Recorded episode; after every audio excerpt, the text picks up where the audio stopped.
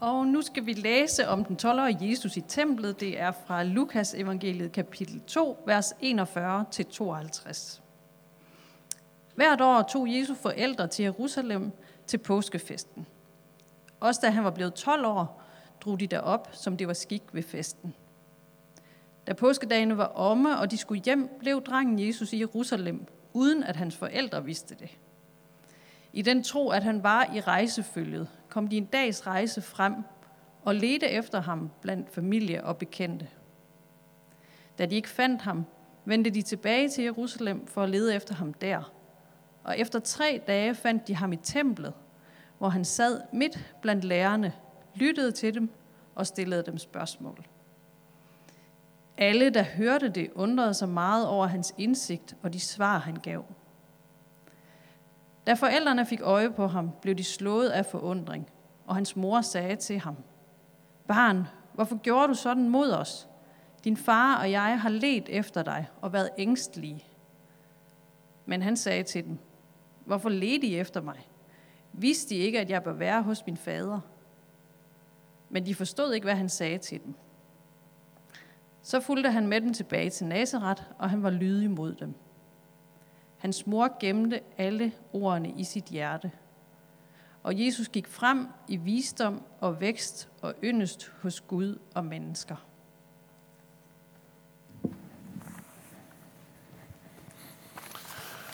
Det er ret svært at være sådan en 11-12 år. Specielt hvis man er en jødisk dreng på den alder. Fordi så er der sådan en ret god chance for, at man bliver glemt, egentlig. Det her det er jo i en tid, før der var noget, der hed teenager. Så de her børn, de falder sådan lidt uden for kategori. Man ved ikke helt, hvad man skal stille op med dem.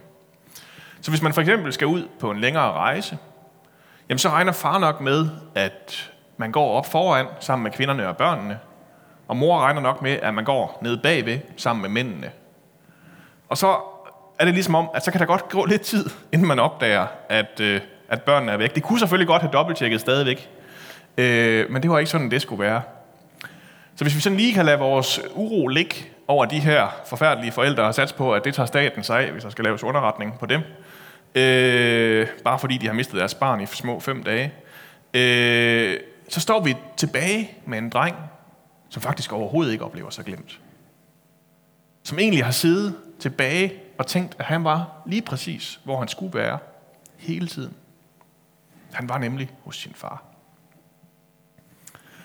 Og i sådan en tid, hvor det sjældent føles som om, at man er helt der, hvor man havde tænkt, man skulle være, hvor man godt kan blive lidt nervøs for, hvor mange mennesker, der efterhånden har glemt en, øh, glemt, at man eksisterer, så sidder Jesus bare og er sådan, altså nærmest lidt provokerende, ikke også? Og kan slet ikke forstå, at han skulle være blevet væk.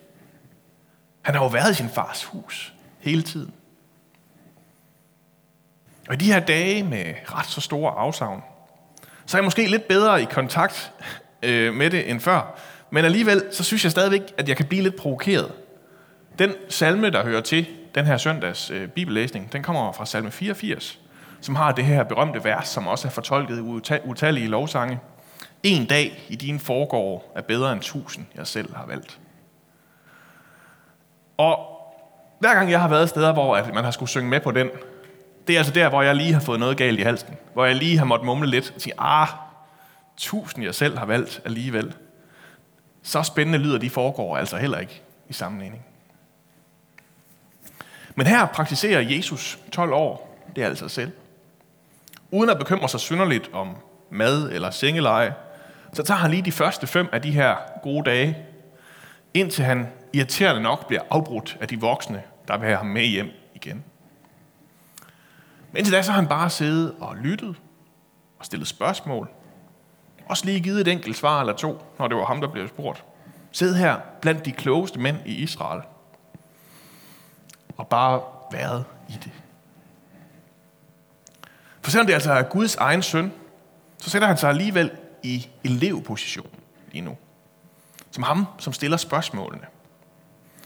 Og hvis man har læst sådan lidt gammel visdomslitteratur, hvis man har læst lidt Sokrates eller en jødisk rabbi, der går øh, så ved man godt, at, øh, at øh, det er sådan, man lærer noget.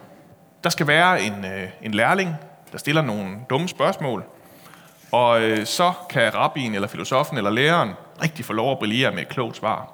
Og det er jo også det, vi ser Jesus gøre hver gang på gang, og det er derfor, det er så godt, at han har sådan nogle dumme disciple, der kan stille de her dumme spørgsmål. Og når man så først har været igennem alle de her spørgsmål, jamen så har lærermesteren fået forklaret eleven, at A i anden gang B i anden, det er lige med C i anden, og så har man fundet hypotenusen, og så kunne de godt se, at det vidste de da godt hele tiden. Eller at den eneste fornuftige styreform, det måtte være en republik, eller hvad det nu kunne være. Sådan alle de her læringsdialoger, øh, dem har vi. Øh, det skal bare lige køres igennem spørgsmålene, og så kører det.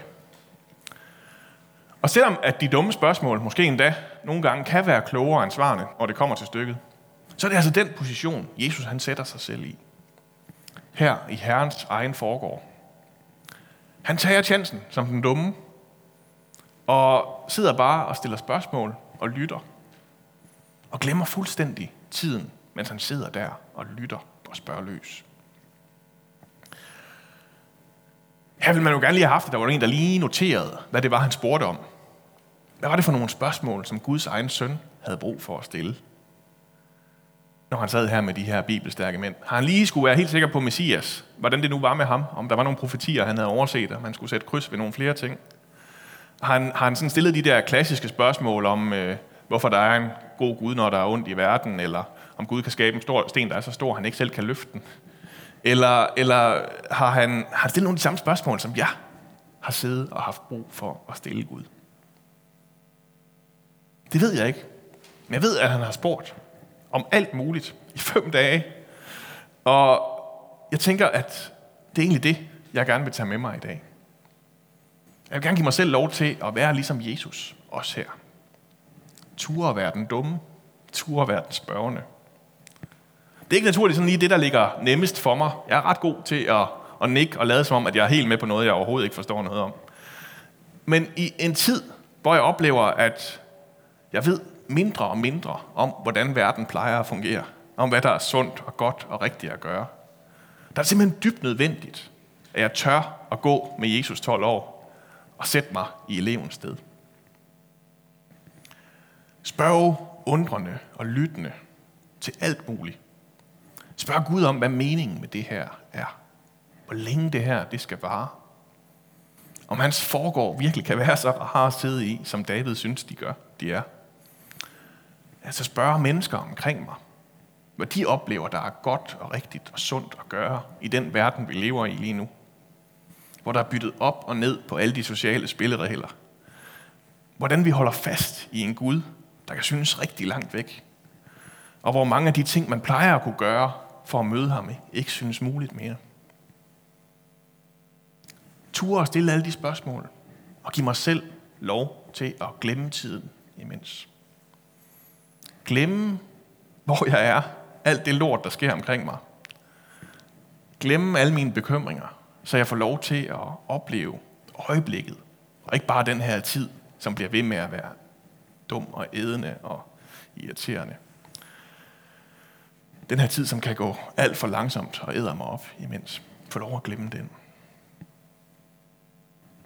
Jesus er enormt provokerende, da vi når til det sædvanlige fænomen, hvor de her nervøse forældre, de finder det barn, som de har været så bekymrede for, og så selvfølgelig skiller det ud som det første. Og Jesus han afviser bare deres bekymring totalt. Og de kan ikke finde ud af, hvad de skal gøre ved det. Det er en af dem, man må gemme i hjertet til senere. Jeg tror, at det vi står tilbage med, det er, som Magnus Malm siger, at den største frihed, det er at slippe for at være Gud. Slip for at være den, der forstår alt, kan alle svarene. Selv den vej, Jesus viser os nu, den giver os lov til at være den dumme. Til at være den, der stiller spørgsmålene.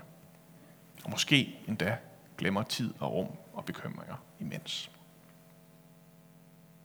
Skal vi bede sammen. Jesus, øh, tak fordi, at du blev væk at øh, du var så opslugt af øjeblikket, at du glemte tid og rum. At du bare kunne sidde der i din fars hus, i Herrens foregård, og bare give dig selv lov til at være den dumme, den der stiller spørgsmålene. Og når Guds egen søn kunne det, så beder vi også om, at, at vi må ture og tage det på os. Ture at være den dumme, den der stiller spørgsmålene. Både til dig, med alle de frustrationer, vi går med lige nu, og til hinanden i en verden, der bare er helt anderledes at navigere i, end vi er vant til. Ja. Hjælp os til det, Gud. Amen.